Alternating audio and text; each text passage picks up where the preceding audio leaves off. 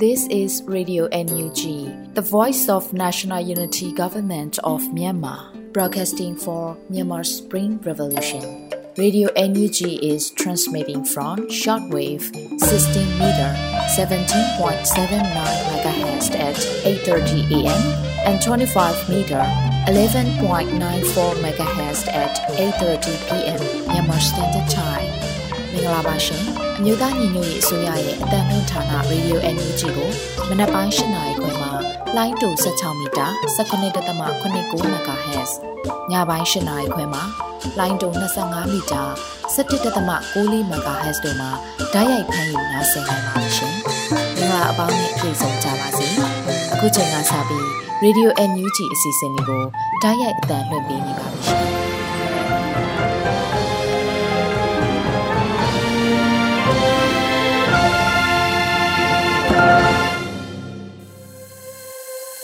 မြန်မာနိုင်ငံသူနိုင်ငံသားအပေါင်းတဘာဝဘေးဆရာနာရှင်ဘေးတို့ကနေကင်းဝေးပြီးကိုစိတ်နှပါအေဂျင့်လုံခြုံကြပါစေလို့ Radio NUG ကနှုတ်ခွန်းဆက်တာအပ်ပါတယ်။ခုချိန်ကစပြီးပြည်ရင်းသတင်းများကိုရန်နိုင်ကဖတ်ကြားတင်ပြပေးမှာဖြစ်ပါတယ်ရှင်။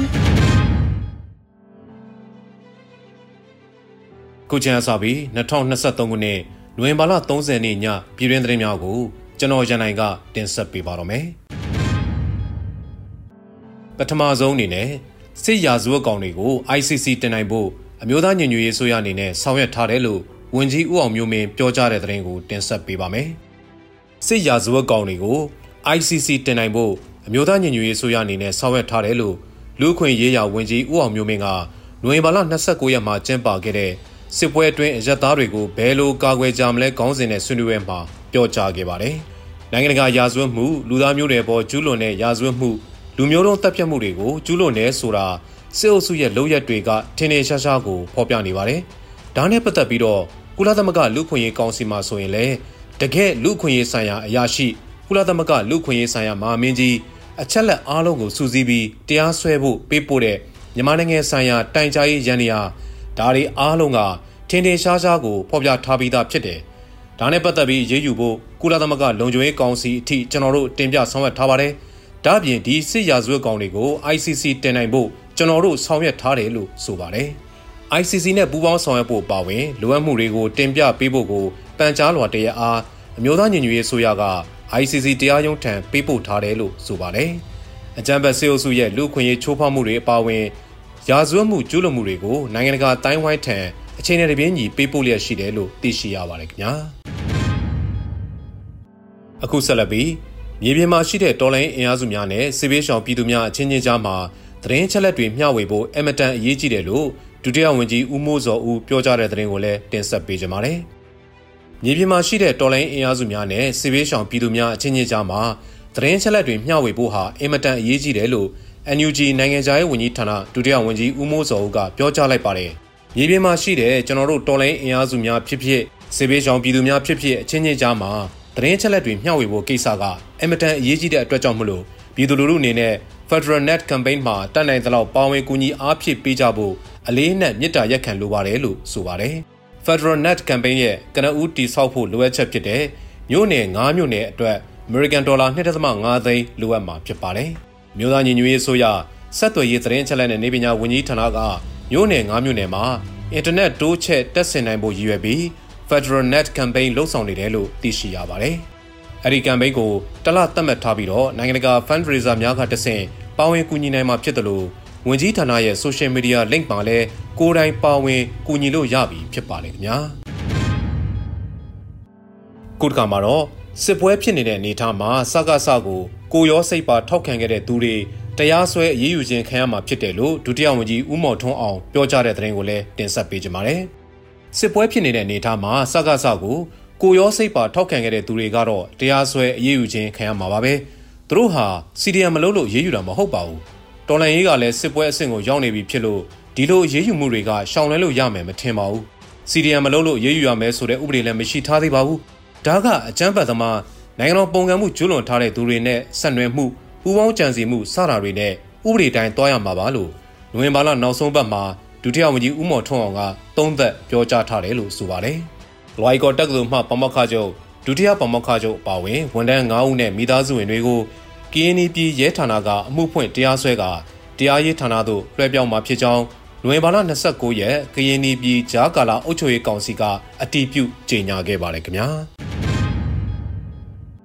ခုဆက်လက်ပြီး နျူကလ িয়ার လက်နက်တားဆီးပိတ်ပင်ရေးဆိုင်ရာစာချုပ်မှာပါရှိတဲ့မူတွေကိုဆက်လက်ထောက်ခံခဲ့တဲ့သတင်းကိုလည်းတင်ဆက်ပေးပါောင်းမယ်။နိုဝင်ဘာလ29ရက်ကကျင်းပခဲ့တဲ့နျူကလ িয়ার လက်နက်တားဆီးပိတ်ပင်ရေးဆိုင်ရာစာချုပ်ဖွဲ့ဝင်နိုင်ငံများရဲ့ဒုတိယကြိမ်မြောက်အစည်းအဝေးရဲ့မိန့်ခွန်းပြောကြားမှုအစီအစဉ်မှာကုလသမဂ္ဂဆိုင်ရာမြန်မာအမြဲတမ်းကိုယ်စားလှယ်သံမတ်ကြီးဦးကျော်မို့ထွန်းကအခုလိုပဲပြောကြားခဲ့တာပါ။ မြန်မာနိုင်ငံဟာနျူကလ িয়ার ကင်းစင်တဲ့ကဘာကြီးတိဆောက်နိုင်ဖို့ရည်မှန်းချက်တွေအကောင့်ထဲဖော်ရေးအတွက်မိမိတို့ရဲ့ကတိကဝတ်တွေကိုထုတ်ဖော်ပြသပြီးနျူကလ িয়ার လက်နက်တားဆီးပိတ်ပင်ရေးဆိုင်ရာစာချုပ်ကို2018ခုနှစ်စက်တင်ဘာလမှာပါဝင်လက်မှတ်ရေးထိုးခဲ့ပြီး2020ခုနှစ်မှာအတည်ပြုလက်မှတ်ရေးထိုးရန်ကနအူးစီစဉ်ခဲ့ကြောင်းသို့တော်လည်းမြန်မာနိုင်ငံမှာ2021ခုနှစ်နှစ်စန်းပိုင်းမှာ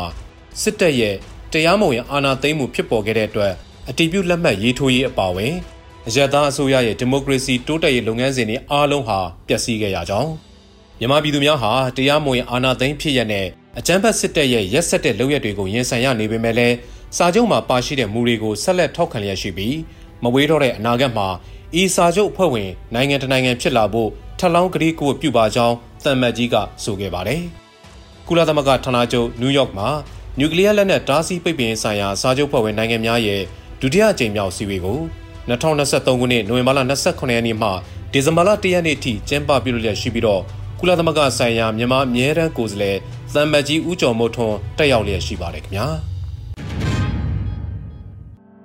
ခုတစ်ခါမှာတော့ရိုင်ကော်သို့စစ်ကူပေးရန်ထွက်ခွာသွားတဲ့စကားဆတပ်ဖွဲ့များအားလိုက်လံတိုက်ခိုက်ချေမှုရမှာစကားဆတပ်ဖွဲ့ဝင်အယောက်20ကျော်တေဆုံးခဲ့တဲ့တဲ့ရင်ကိုလည်းတင်ဆက်ပေးပါောင်းမယ်။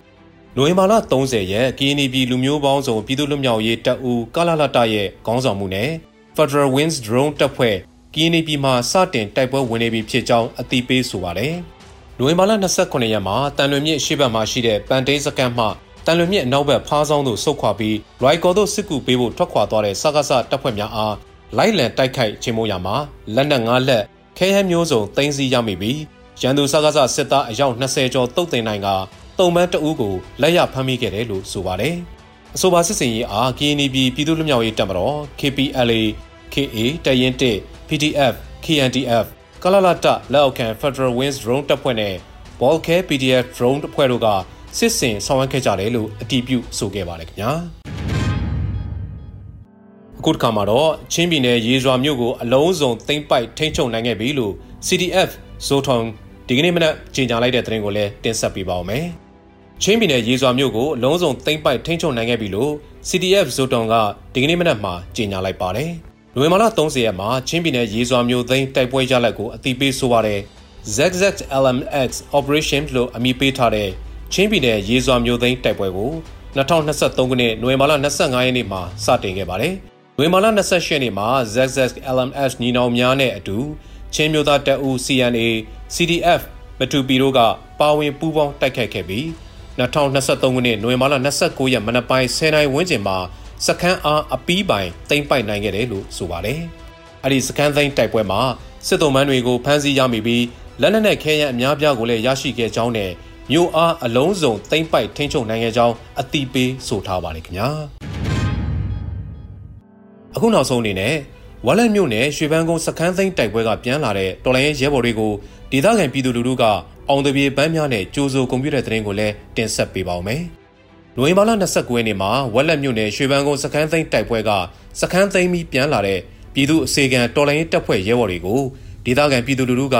အောင်တပြေပန်းများနဲ့ကြိုးစုံကုန်ပြုံးခဲ့ပါတယ်လို့နိုဝင်ဘာလ30ရက်မှာပြည်သူအစေခံတော်လိုင်းတပ်ဖွဲ့ဝက်လက်ကအတိပေးဆိုလာပါတယ်။နိုဝင်ဘာလ22ရက်စကိုင်းတိုင်းဝက်လက်မြို့နယ်ရွှေဘန်းကုန်းကျေးရွာရဲစခန်းအားအမှတ်1စစ်ဒေသအမှတ်2ရွှေဘိုခရိုင်ကုကဲရဲရဲကုကဲမှုနဲ့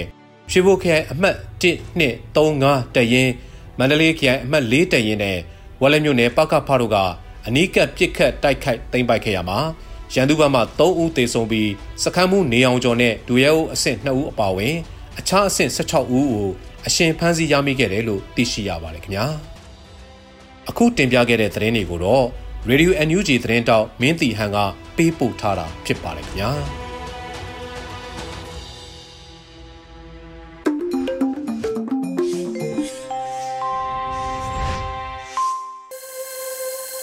ဆက်လက်ပြီးနန်စီရီယံများအပေါ်သဘောထားနဲ့ပတ်သက်၍သမရယုံပြောရေးဆိုခွင့်ရှိသူဦးကျော်စောမှတရားမီဒီယာတွင်ပြောကြားခဲ့သောသတင်းစကားကောက်နှုတ်ချက်ကိုကိုခန့်နဲ့မင်းစစ်သူတို့ကတင်ဆက်ပေးမှာဖြစ်ပါတယ်ရှင်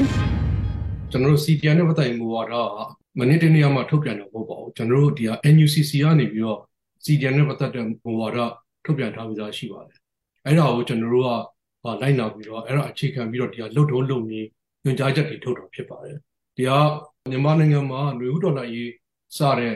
February 2021ခုနှစ်ကစပြီးတော့ဒီ CDN ဝန်ထမ်းတွေအားဆိုရင်ຫນွေဥဒေါ်လာရေးကအရေးကြီးတဲ့တောက်တိုင်တစ်ခုအနေနဲ့မမမမရပ်တည်ခဲ့တာသူတို့ကဒေါ်လာရေးရဲ့တရေကောင်းတွေဖြစ်ဒီနေ့ထိလည်းသိန်းနဲ့ချီတဲ့ CDN ဝန်ထမ်းတွေရှိတယ်သူတို့နံပါတ်1ချက်ကသူတို့ကိုကျွန်တော်တို့အတိမတ်ပြုတယ်သူတို့ရဲ့ဒေါ်လာရေးအတွက်ခန်းကဏ္ဍပေါင်းဆိုစွန်းစွတ်တမန်ပါဝင်နေတာကျွန်တော်အတိမတ်ပြုတယ်ခုံယူတယ်လေးစားတယ်ဆိုတော့ဒါပထမဆုံးပြောချင်ပါတယ် နောက် non CDM နဲ့ပတ်သက်ပြီးပြောရရင်တော့ non CDM မှာတော့သူတို့မှာအကြောင်းမျိုးကြောင့် non CDM ဖြစ်သွားတာရှိမှာပေါ့နော်ဒါကတော့သူတို့ပဲအဓိကသိတယ်ဒါပေမဲ့ကျွန်တော်တို့တွေက non CDM နဲ့ပတ်သက်ပြီးတော့ကျွန်တော်တို့ရဲ့ပန်ကြားချက်တွေတောင်းဆိုချက်တွေဒီဇိုင်းမှတ်ထုတ်လာခဲ့တယ်ဒီ CDM လုပ်ဖို့အတွက်တရားတဲ့ဘက်ကရက်တည်ဖို့အတွက်အကြမ်းဖက်စစ်ကောင်စီရဲ့လက်ကင်တို့မဖြစ်ဖို့အတွက်ကိုကျွန်တော်တို့တွေတော့သူတို့ကိုတောင်းဆိုခဲ့တာရှိတယ်နောက်ဘုရားကပြောသလို NUCC ကနေပြီးတော့ non CDM နဲ့တက်ပြီးတော့ policy ချမှတ်ခဲ့တယ် အခုအချိန်မှာကျွန်တော်တို့တော်လှန်ရေးအရှင်ကိုမြင့်ပြီးတော့ကျွန်တော်တို့ထိန်းချုပ်နေပြီများလာထိန်းချုပ်နေပြီများလာတဲ့များကျွန်တော်တို့နိုင်ငံကိုပြန်လည်တည်ဆောက်မဲ့ကဏ္ဍတွေရှိလာပြီပထမအဆုံးအနေနဲ့တော့ထိန်းချုပ်နေပြီဒီမှာဒီအစိုးရရန်ရားတွေကိုကျွန်တော်တို့ပြန်လည်လည်ပတ်ဖို့လိုရမယ်အခြေအနေတွေရှိလာတယ်အဲဒီကမှကျွန်တော်တို့အနေနဲ့ကတော့ဒီဟာဘယ်လိုလို့အစိုးရအုပ်ချုပ်ရေးရန်ရားတွေကိုထိထိရရအကောင့်တွေပေါ်ပြီးတော့ပြည်သူလူထုကိုဝန်ဆောင်မှုတွေပေးနိုင်မလဲဆိုတော့စဉ်းစားရတယ်ဒီတစ်ချိန်တည်းမှာလည်းတော်လှန်ရေးပုံတစ္ဆာဖောက်ပြည်သူတစ္ဆာဖောက်တဲ့အားတွေ နောက်တရားဥပဒေချိုးဖောက်တဲ့အားတွေအဲ့အရာတွေကိုလည်းကျွန်တော်တို့ကသုံးသပ်ရအောင်ပေါ့နော်ဒါကြောင့်လည်း non CDM နဲ့ပတ်သက်ပြီးတော့ကျွန်တော်တို့မူဝါဒချတာရှိတယ် NUCC မှာကြေညာထားပြီးသားရှိပါတယ်ဒီကျွန်တော်တို့အနေနဲ့ကတော့တော့အစိုးရအနေနဲ့ဒေါ်လာရေးအစိုးရဂျာကာလာအစိုးရအနေနဲ့ကတော့ကျွန်တော်နေတာဒီ non CDM ကိုအေးအေးယူတာမဟုတ်ဘူး non CDM တွေကိုကျွန်တော်တွေကဒေသအလိုက်ကရင်ပြည်နယ်မှာဆိုတဲ့ IEC ကနေပြီးတော့ထုတ်ပြန်ကြေညာထားရှိတယ်အခုချင်းပြည်နယ်မှာဆိုတဲ့ချင်း ICNCC ကနေပြောကြေညာထားကြအဲ့ဒါအားလုံးကလည်း NUCC ရဲ့ CDM နဲ့ပတ်သက်တဲ့မူဝါဒသဘောထားနဲ့ဟိုအခြေခံပြီးတော့ကြေညာထားတာလောက်ကင်ဆောင်ရွက်နေတာဖြစ်တယ်ထိုဒီတကူပဲ NUG အစိုးရရဲ့ non CDM မူဝါဒလွတ်တုံးလုံးကြီးရတယ် NUCC ရဲ့ policy ကိုအခြေခံထားတာဖြစ်တယ်ဆိုတော့ပြောကြချင်ပါတယ်ဖြစ်တယ်ဖန်စီအရေးယူတယ်ဆိုတာကတော့ဥပဒေကိုချိုးဖောက်တဲ့ကောင်မရှိမှာပေါ့နော်ဒါပေမဲ့အဲ့ဒီခါကျတော့ကျွန်တော်တို့မှာကြောသားရင်သားဖွဲ့ကြလို့မရဘူးဒီ non CDM နဲ့ပတ်သက်ပြီးတော့ policy မှာလည်းရှိတာ အမှန်ပါတော့ကျွန်တော်ဟိုခုနကပြောသူပေါ့နော်အခြေခံအတိုင်းဆိုရင်တော့ပြည်သူလူထုပေါ်သစ္စာမဖောက်တဲ့သူပြည်သူလူထုကိုသစ္စာဖောက်ရင်တော့အရေးယူခံမှာဥပမာဆိုရင် non CDM ပဲဖြစ်ဖြစ်အပြင်ကတာဝန်ရှိတဲ့ဘယ်သူပဲဖြစ်ဖြစ်ပေါ့နော်လူခွင့်ရေးချိုးဖောက်ရင်အရေးယူခံမှာထုံနည်းတကူပဲ non CDM ဝန်ထမ်းတွေကသူတို့ non CDM အချိန်မှာလူခွင့်ရေးချိုးဖောက်တာရှိတယ် CDM ဝန်ထမ်းတွေကိုတရားလိုက်လံဖမ်းဆီးပြီးတော့နှိပ်စက်ညှဉ်းပန်းတာတွေစိတ်ကောင်စီရဲ့လက်ကင်တို့အနေနဲ့အတုံးချခံပြီးတော့စိတ်ကောင်စီကိုစားလုပ်တဲ့ဟာဒါတွေဆိုရင် ကျွန်တော်တို့အနေနဲ့စီစစ်ပြီးတော့အရေးယူမှာဖြစ်တယ်ပေါ့နော်အဲ့ဒါကိုပြောတာပါဒါအနောက်စီကနေအကုန်လုံးသိမ်းကျုံပြီးတော့တရားမှာတရားလုံးကိုဖမ်းပြီးတော့ပြစ်ပေးမယ်ဆိုတာမဟုတ်ပါဘူးဒါပေမဲ့ non CDM မှာနိုင်ငံတော်ဝန်ထမ်းမဟုတ်တော့ဘူးဆိုတဲ့အနေအထားမှာရှိတယ်ကြီးညာထားပြီးသားဖြစ်တယ်အဲ့တော့သူတို့နိုင်ငံတော်တာဝန်ပြန်လဲထမ်းဆောင်မယ်ဆိုရင်သူတို့အနေနဲ့ပြန်လည်ပြီးတော့ကြောက်ရမယ်ကျွန်တော်မှာကော်မတီတွေရှိမယ်သက်ဆိုင်တဲ့ဒေသအလိုက်သူတို့ကပြန်လည်စီစစ်ပြီးတော့ ဂျာကာလမှာဘယ်လိုတာဝန်တွေကိုယာယီခွင့်ရှိတယ်ဆိုတဲ့ဟာကိုကျွန်တော်တို့ဒေသအလိုက်ဌာနအလိုက်ဆုံးဖြတ်သွားမှာဖြစ်တယ်အဲ့ဒါလည်းဘာလဲဆိုတော့ဘာကြည့်မလဲဆိုတော့သူတို့ non CDM အချင်းကြီးအကြောင်းမျိုးကြောင့်လုပ်ခဲ့ရတယ်ဒါပေမဲ့တော်လန်ရစ်ဖက်တော်သားတွေဖြစ်တယ်ဆိုတော့အထောက်ထားပြနိုင်ဥပမာဆိုရင်ဖျက်သီးလိုမျိုးနော်သူတို့တွေတော်လန်ရစ်ကိုဘယ်လိုလုပ်ပေးခဲ့တယ်ဆောင်ရွက်ပေးခဲ့တယ်ဒါနဲ့တော်လန်ရစ်မှာအခန်းကဏ္ဍတစ်ခုအနေနဲ့ပါဝင်ခဲ့တာဒီတော်လန်ရစ်ကာလမှာဖြစ်လာတယ်ຫນွေဦးတော်လန်ရစ်ကာလမှာဖြစ်လာအားလုံးသူကရုံမတက်နဲ့ရုံထွက်ဆိုတဲ့အတိုင်း ရုံထွက်ကြတဲ့လူတွေအများစုတွေရှိတယ်အဲ့ဒီထဲမှာတချို့ကလည်းအချိန်ကြီးအမျိုးမျိုးရောက်အကြက်ဒီအမျိုးမျိုးကြောင့်ပြန်သွားတဲ့လူတွေရှိတယ်ဒါစိတ်မပေါအောင်ဒါကြောင့်လည်းပြောတာတော်လန်ရေးပုံပါသစ္စာရှိဖို့အရေးကြီးတယ်ဆိုတော့အဲ့ဒီမှာသူတို့တွေကဒီတော်လန်ရေးကိုထောက်ပံ့ပေးနေတာရှိမယ်သတင်းပေးနေတာရှိမယ်အဲ့ဒီလိုလူမျိုးတွေကိုကျွန်တော်ပြန်နေစစ်စစ်ပြီးတော့စနစ်တကျဂျာကာနာမှာလက်ခံဖို့လက်နက်ကင်တိုက်ပွဲဝင်မှာတော်လန်ရေးဘက်မှာပါတာပေါ့နော်အခုကျွန်တော်ဆိုလက်နက်ကင်နေအောင်ပို့ NUG ဝန်ကြီးတွေတယောက်မှလည်းမကင်ကြအောင်တော်လန်ရေးလုပ်တယ်ဆိုတော့တော်လန်ရေးလုပ်တဲ့အခန်းကဏ္ဍဘက်ပေါင်းစုံကနေလုပ်နေကြတာတချို့ဆိုရင်ရှိတဲ့လောဝလက်စားတွေကိုရောင်းပြီးတော့တော်လှန်ရေးအတွက်လှူတာတွေရှိတယ်။ဒါကကြင်ကြပြီးလှုပ်တာမဟုတ်ဘူး။ဒီဘန်ကနေလှုပ်တာမဟုတ်ဘူး။ဒါသူ့နည်းသူ့ဟာနဲ့လှုပ်တယ်ထိုနည်း၎င်းပဲဥမာဆိုရင်ထိုင်းနိုင်ငံတို့ဘာလို့မှာ undocumented နော်အရက်စကားနဲ့ပြောရင်ခိုးပြီးအလုပ်လုပ်နေတဲ့လူတွေသူတို့ရဲ့ချွေးနှဲစာတွေကနေတော့ဒီဒေါ်လာရေးအတွက်ကိုကူပေးတယ် ဒုက္ခတွေတွေအတွက်ကူတယ်စစ်ဆောင်တွေအတွက်ကူတယ်ဆိုတော့အဲ့လိုမျိုးတွေမျိုးမျိုးကဏ္ဍကလုပ်လို့ရတယ်နိုင်ငံခြားမှာရှိနေတဲ့လူတွေဆိုရင်လည်း fundraising တွေလုပ်ပြီးလုပ်တယ်မြေပြင်မှာသွားပြီးတနက်ကင်ပြီးတိုက်တာမဟုတ်ဘူးဒုက္ခရောက်နေတဲ့လူတွေကူနေတာရှိတယ်လူနေတကောင်းမဲ့ non citizen ရှိတဲ့လူတွေဟုတ်ပါတယ်သူတို့မှလည်းအမျိုးမျိုးကူညီပေးလို့ရတယ်အဲ့ဒါကိုပြောတာအဲ့ဒီတစ်ချိန်တည်းမှာလည်းကျွန်တော်တို့နဲ့ဆက်သွယ်လို့ရတယ်ကျွန်တော်တို့ကျမတို့ကတော့ဒီလိုဒီလိုအချိန်ကြောင့်ဒါဒါလုပ်နေဒါမဲ့ဒီလိုရှိတယ်ဆိုတဲ့ဟာဆိုတော့အဲ့ဒါမျိုးတွေကိုပြောတာဒါကြောင့်လည်းပြန်ပြီးတော့တာဝန်ထမ်းဆောင်ခြင်းတဲ့သူကဒီမှာ ကျွန်တော်စီစစ်ရေးတွေရှိမယ်စီစစ်ရေးကော်မတီရှိမယ်အဲ့ဒီဂျာကာနာမှာပြန်ပြီးစီစစ်လက်ခံသွားဖို့အစီအစဉ်ရှိတယ်ဆိုတာလည်းပြောတာဒါမဲ့ကျွန်တော်အစိုးရတရက်အနေနဲ့ကြေညာချက်ထုတ်တာပြရှိတယ်တော်လိုင်းရေးအစိုးရတော့အဲ့ဒီခါမှာဒီအစိုးရရဲ့ကြေညာချက်ကတရားဝင်ဖြစ်တယ်ဆိုတာလည်းထပ်လောင်းပြောကြခြင်းဒါမဲ့ဘုရားတော်ပြောသလိုအားလုံးသိမ်းကြုံရေးမှာလုံးဝမဟုတ်ပါ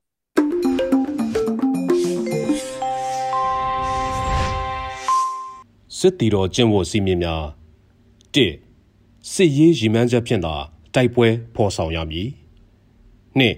စစ်စင်ရေးဆောင်ရွက်ရာတွင်လိုအပ်သောအင်အားကိုသာအသုံးပြု၍ထိခိုက်ပျက်စီးမှုအ ਨੇ ဆုံးဖြစ်စေရန်စီမံဆောင်ရွက်ရမည်၃အယက်သားပြည်သူများအားကာကွယ်စောင့်ရှောက်ရမည်အယက်သားပြည်သူပိုင်းဥစ္စာပစ္စည်းများကို ထိပါခြင်းမပြုရ၄ဘာသာရေးအဆောက်အအုံများနှင့်ယဉ်ကျေးမှုမွေးနေ့များကို လေးစားတံမိုးထားရမည်၅ လက်နက်ကိုင်ပိဋိပက္ခဆိုင်ရာဥပဒေသားများကို ဖောက်ဖျက်ကျူးလွန်ခြင်းမပြုရ6ခေါင်းဆောင်များသည်စန္ဒမူနာပြခေါင်းဆောင်မှုကိုပြ၍လက်အောက်ငယ်သားများအပေါ်ကြောသားရင်သားမခွဲကြဘဲတရားမျှတစွာကုကဲအုပ်ချုပ်ရမည်။ခုနှစ်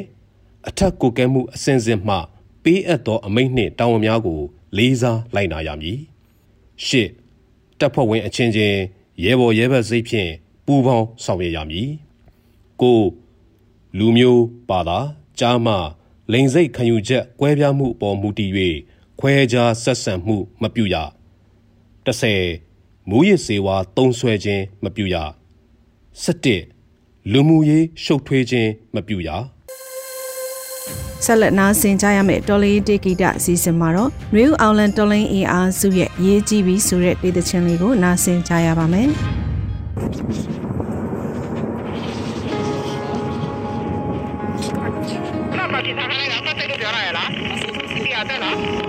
ဟုတ်တယ်ဟုတ်တယ်ဟုတ်တယ် first aid အဲ့အရှိအတွက်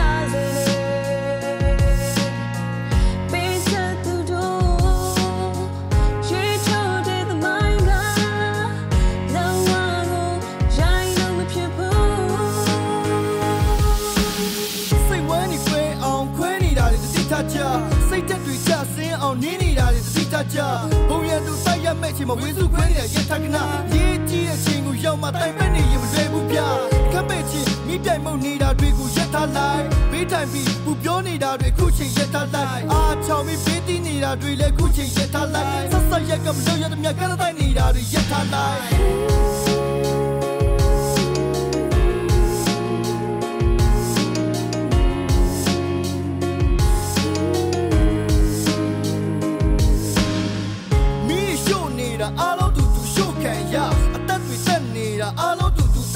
ချ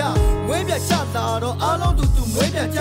နိုင်ငံရေးဆိုတာငါတို့နဲ့မဆိုင်ဘူးပြောပါနဲ့ဗျတို့ဖို့စာရီတင်ပြီးကိုချိုးရှာတယ်မလုပ်ပါနဲ့ Facebook စာမျက်နှာပေါ်မှာနာမည်ကြီးနေတာတွေမလုပ်ပါနဲ့မိစားတစ်ပတ်ရေမို့တစ်ပတ်နဲ့ဟိုရှုပ်တီရှုပ်မလုပ်ပါနဲ့တော်လည်းရေးကြီးဆိုရှီကြောင့်ဖုန်းထူတာတွေမလုပ်ပါနဲ့ဘဝ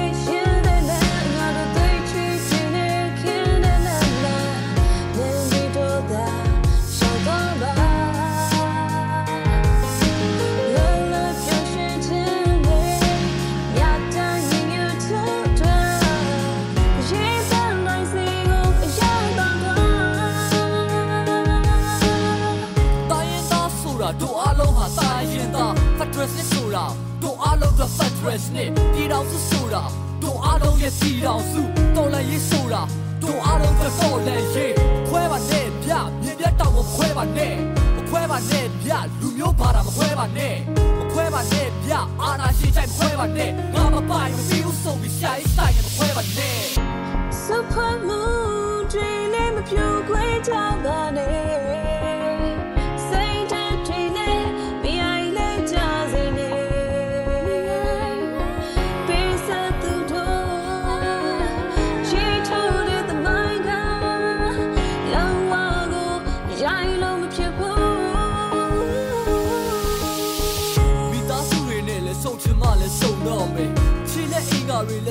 မှလည်းဆုံတော့မယ်အိမ်မြခုဆိုတာလည်းရချင်မှလည်းရတော့မယ်ပြန်ကြအိမ်ဆိုတာလည်းရှိချင်မှလည်းရှိတော့မယ်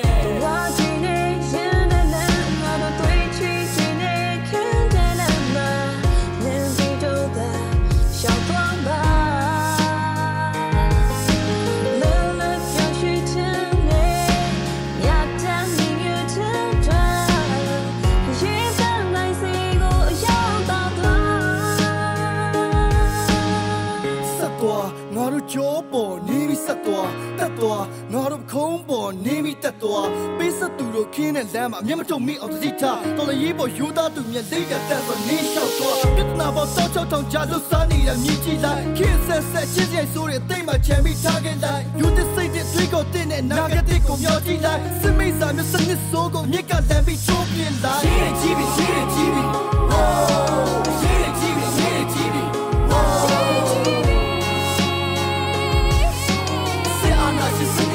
စ်အောက်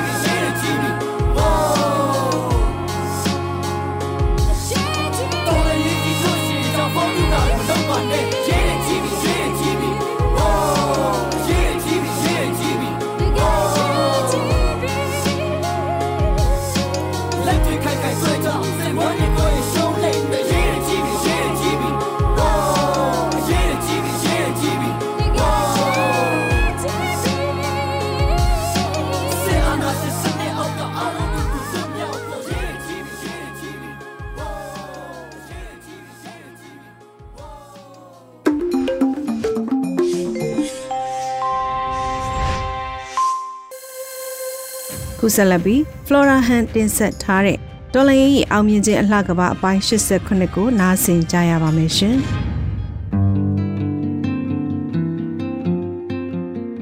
အားလုံးပဲမင်္ဂလာပါ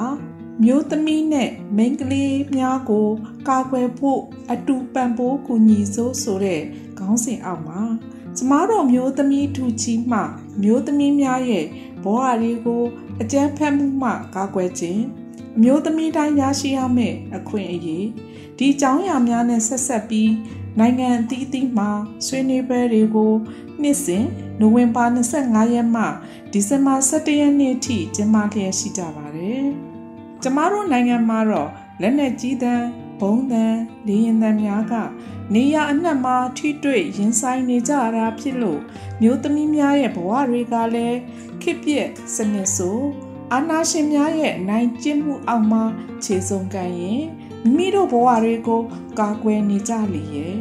အာနာရှင်ဆိုတာမျိုးသမီးများရဲ့ဘဝကိုကာကွယ်စောင့်ရှောက်ခြင်းမပြုကြသလိုကလေးငယ်များရဲ့အသက်ကိုပါတန်မိုးမထားတတ်ကြတာကြောင့်ဖက်စစ်အကြမ်းဖက်များရဲ့အနိုင်ကျင့်မှုစိုးမှုမှုတွေကိုအများကြီးခံစားခဲ့ရပါတယ်ဒီလိုအကြောင်းအရာတွေကိုတွန်းလှန်ချေမှုန်းနိုင်ဖို့ ပြည်သူတွေကခွန်အားတက်တိတွေအချိန်တိုင်းဝင်းမြူထားဖို့လိုတယ်လို့မိမိတို့ရဲ့ဘဝတွေကိုအာနာရှင်စနစ်ဆိုးအောက်မှာမကြရှုံးဖို့တတိဉာဏ်လေးနဲ့နေထိုင်တက်ဖို့လဲလိုအပ်ပါတယ်။ဒီနေ့ကပဲကျမနေတဲ့နေရာမှာစုံစမ်းမှုတွေလာလုပ်ပါတယ်။တကယ်တော့ပြစ်မှုနဲ့ဥပဒေချိုးဖောက်မှုဆိုတဲ့ပြစ်မှုကျူးလွန်ခြင်းမရှိသူ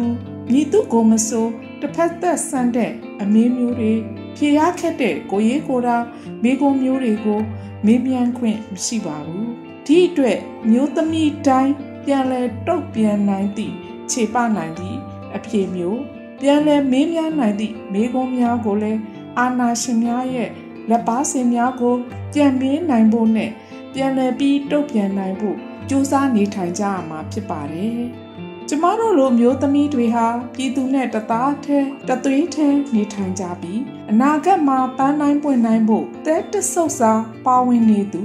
ရောက်တိုင်းစီကိုဘလို့အခြေအနေမှာပဲဖြစ်ဖြစ်စစ်ကောင်စီရဲ့ဗက်တော်သားများကလက်ခံကြရမှာဖြစ်တယ်လို့မျိုးသမီးများရဲ့ဘဝတွေကို အနိုင်အထက်မပြုတ်ကျင်ကြဖို့လိုအပ်ပါတယ်။တော်လန်ရေးကလည်းစနစ်တစ်ခုကိုထူထောင်နိုင်ဖို့ ခွန်အားတက်တီးနဲ့ပြေးလွှားနေကြသလိုတစ်ဖက်မှာလည်းလူသားတိုင်းဒန်းတူညီမျှတဲ့လူခွင့်ရေးရနိုင်ဖို့ပြည်သူအပေါ်အကြမ်းဖက်နိုင်ကျင့်သည့်ညီသူကိုမဆိုကျမတို့ပြည်သူတွေဟာပြန်လဲတုတ်ပြန်ကြဖို့လဲလိုအပ်ပါတယ်။နေရာတိုင်းမှာစိုးမိုးချက်လဲခြင်းစိတ်နဲ့အတူ ပြည်သူအပေါ်နိုင်ထက်စီးနေအမြဲလိုလိုပြုမှုနေတတ်တဲ့အာနာရှင်များရဲ့လက်ကင်ထုတ်တွေကိုခေါင်းငုတ်အရှုံးပေးအညံ့ခံလို့စိတ်ကတော့နေရာဒေသတိုင်းမှာပြည်သူတွေမရှိကြပါဘူးလက်နက်အားကိုပြီးပြည်သူကိုအနိုင်ကျင့်နေကြလို့သာပြည်သူကတုတ်ပြန်ဖို့နှောင့်နှေးခဲ့ရတာပါအာမတန်မန်လျှော့ရဲဆိုတာကျမတို့တော်လန်ရေးညီကိုမောင်နှမတွေရဲ့အတိုင်းအဝန်းမှာမရှိကြပါဘူး လက်နက်ချင်းမများလို့ပြည်သူအများကတောက်ခေါက်အန်ကျိတ်လို့အချိန်တိုင်းအာနာရှင်ကိုစိန်ခေါ်ကြသူတွေဖြစ်ပါတယ်ခုဆိုရင်မကြာမီကာလမှာပြုပြင်ပြောင်းလဲရေးကာလအသွင်ကူးပြောင်းတော့မှာဖြစ်ပါတယ်ဒီအတွက်ကျမတို့အစိုးရဘက်မှမျိုးသမီးများနဲ့မိန်းကလေးငယ်များရဲ့ဘဝတွေကိုမြင့်တင်နိုင်ဖို့လဲကြိုတင်ပြင်ဆင်ထားဖို့လိုအပ်ပါတယ်တော်လန်ရေးကာလတစ်လျှောက်မှာ ကျမတို့မျိုးသမီးတူကြားမှာမိန်းကလေးငယ်များရဲ့ဘဝတွေသူတို့လေးတွေရဲ့အနာဂတ်စတဲ့လူခင်ရေးတွေအများကြီးဆုံးရှုံးခဲ့ကြရတာနေရာဒေသအနှံ့မှာပဲဒီအတွက်သူတို့လေးတွေရဲ့ဘဝတွေကိုပြန်လည်ပြင်တင်ပြုစုပြောင်းထောင်နိုင်ဖို့ကျမတို့အမျိုးသမီးတူကြီးကမိမိတို့တက်ဆန်းသည့်ပညာဗန္နာအလောက်ကိုင်းအခွင့်အလမ်းစတဲ့လူပီတစွာလူဘဝကို လူတယောက်ရဲ့တန်ဖိုးကို ပြည့်ပြည့်ဝဝခံစားရရှိနိုင်ဖို့စ조사ပြီးဆောင်ရွက်ပေးကြရမှာဖြစ်ပါတယ်။ကျမရဲ့အမျိုးသမီးကဏ္ဍမှာမျိုးသမီးတိုင်းရရမယ့်လူအခွင့်အရေးတာမကလူသားတိုင်းရရှိရမယ့်လူအခွင့်အရေးများကိုစနစ်ကောင်းတစ်ခုမှပြန်လည်ရရှိနိုင်ဖို့အမြဲတမ်းသက်ဆိုင်ရာဝန်ကြီးဌာနများကိုကြားသိစေခဲ့သလိုပြည်သူများရဲ့အားနဲ့တိဆောက်ထားတဲ့တော်လန်ရေးဤ အောင်မြင်မှုလှိုင်းများကလည်းဒီတဲ့မကတော့ပြည်သူများရဲ့ထောက်ပံ့မှုစီးလုံးမှုအားဖြင့်အားကုန်ယုံကြမှာဖြစ်တယ်လို့တော်လန်ရေးဤအောင်မြင်မှုအလှကဘာကိုတိဆောက်ကြပါစို့လို့ဤမျိုးသမီးကဏ္ဍလေးမှာတိုက်တွန်းနှိုးဆော်လိုက်ရပါတယ်အားလုံးကိုကျေးဇူးတင်ပါတယ်ဒီကနေ့ကတော့ဒီညနဲ့ပဲ Radio NUG ရဲ့အစီအစဉ်လေးကိုခਿੱတရနာလိုက်ပါမယ်ရှင်။ မြမစံတော်ချိန်မနက်၈နာရီခွဲနဲ့ည၈နာရီခွဲအချိန်တွေမှာပြန်လည်ဆုံတွေ့ကြပါစို့။ Radio NUG ကိုမနက်ပိုင်း၈နာရီခွဲမှာလိုင်းတူ16မီတာ19.8 MHz ညပိုင်း၈နာရီခွဲမှာလိုင်းတူ25မီတာ17.6 MHz တို့မှာဓာတ်ရိုက်ဖမ်းလို့နိုင်စေနိုင်ပါပြီ။မြန်မာနိုင်ငံသူနိုင်ငံသားတွေကိုစိတ်နှပြကျန်းမာချမ်းသာလို့ဘေးကင်းလုံခြုံကြပါစေလို့ Radio NUG အဖွဲ့သူဖွဲ့သားတွေကဆုတောင်းမြတ်တာပို့တာနေပါတယ်ရှင်။ မြေသားညီမတွေအစိုးရရဲ့စက်တော်ရင်သတင်းအချက်အလက်တွေလူပညာဝန်ကြီးဌာနကထုတ်လွှင့်နေတဲ့ Radio NUG ဖြစ်ပါတယ်။ San Francisco Bay Area အခြေစိုက်မြန်မာမိသားစုတွေနဲ့နိုင်ငံတကာကစေတနာရှင်တို့အားပေးနေတဲ့ Radio NUG ဖြစ်ပါတယ်။အရေးတော်ပုံအောင်ရမည်